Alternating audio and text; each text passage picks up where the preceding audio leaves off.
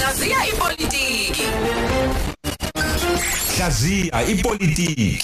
Isikhathi njengamanje 20 past 7 kwanomsakazo ukhoze samkelene ke unhlanhla mtaka esiba naye njalo ngomsombuluko ngalesikhathi sihlaziya ipolitiki ngolimi lakho. Mtaka sikubingelele sikwamkele abendlovu enamandla enhla nasezantsi lapho kumnyama ezweni. Siyabingelela. Kunjalo mtaka njengoba nje lisishonele ilanga siwuzulu sithi ake sibheke namhlanje ukubaleka kwesihlalo sikaZulu nepolitiki yamazwe ngamazwe.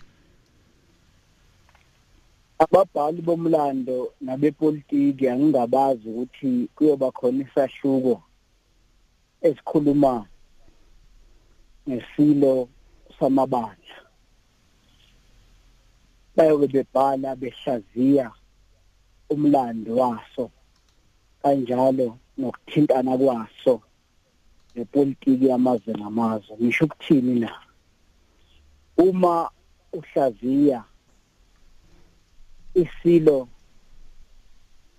besihlanganise amakhosi amadala. Ingakho sithi sizulu isilo asiyihle njengoba abanye sibeze besho njalo. Kepha siyebuza. Kwebuza ke abanye bathi inyoka yeni cha kusho ukuthi siyasuka kulesiqu thina sizukulwane esisibone siyiso. Sidlulele kwesinye isiqu. Bese sithi siba nyandezulu. Asikabi inyandezulu siphakathi kwalokho besikubona nenyandezulu njengoba sikhuluma nje. Kodwa lokho kumqoka ngokuthi uma sesebuzile siyakwazi ukuthi siphume lapha siyomila kwesinye isizukulwane siyotshala kwesinye isizukulwane.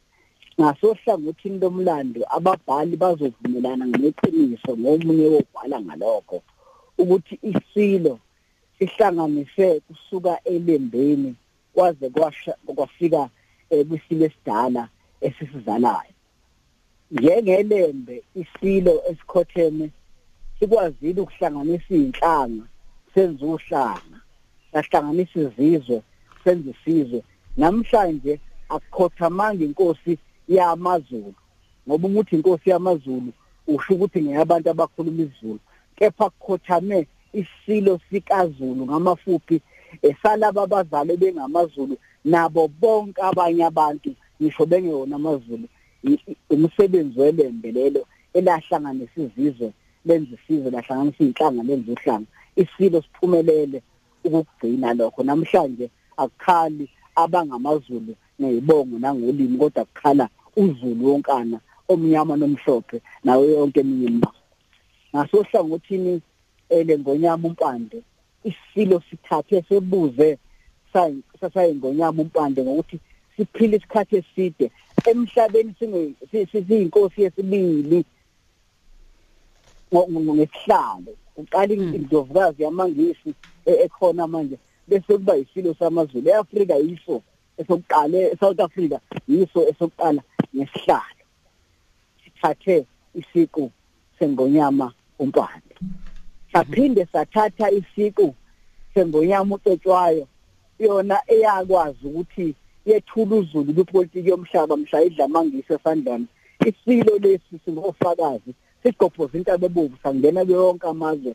Namhlanje United Nations yonke yehlise eh ikhala nayo njengomhlaba uhlangene ngakho njalo imisebenzi yesile African Union nayo ikhale esifanayo ngamafuphi sikwazile ukuthi emsebenzini yabo sithathe isiqu sengonyama ucetshwayo siphindile futhi sathatha isiqu sengonyama uDinuzulu inkosi yokuqala yayincane neminyaka ewu16 kwaZulu. Yakwazi ukuthi isilo singene entsheni. Namhlanje isilo ungathi awusiboni isiqu sakhe sebuzile kodwa kuleza intombi zomhlanga ikhona isilo. Uma ubona intombi yomhlanga igqoka umutsha wayo iye emhlangeni ubona indoda yakwaZulu igqoke ibhishu layo iqhenya ishaya isihlangu sayo isilo leso.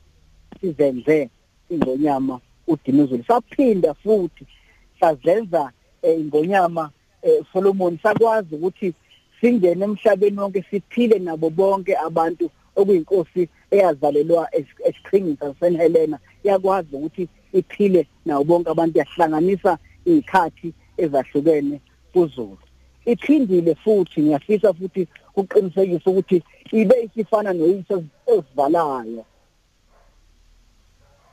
uyise eyayithi mayinyosi imusho ithi wabuka inkomo eh eh, wabuka amadoda amomothela ngamafuphi yayichaza ukuthi wayethanda abantu bakhe. Esilweni eh besithanda abantu bakhe noma ngabe usiphi isigaba ngamafuphi ababhali bomlando.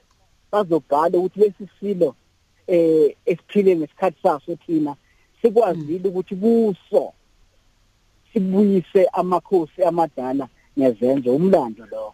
Kepha kupolitiki yamazwe ngamazwe Zulu ngeke niphinde nifane nalokhu eniyikho manje. Isilo sikwazile ukuthi sinenze nihlonishwe umhlaba bebekhuluma bonke kodwa mase befika ngasodabeni lomhlaba kaZulu bazi ukuthi nodawe kangakanani kadakelwa ngapha ngamafuphi sikwazile ukubeka izulu kwibalazo lepolitiki yaseNingizimu Afrika ngebalazo lomhlaba. Kwayiwakhona amadoda akahlangana namakhosikazi athi akuthatha umhlaba kwaZulu sade baphansi sade baphansi sathi hayi sisaphila sona.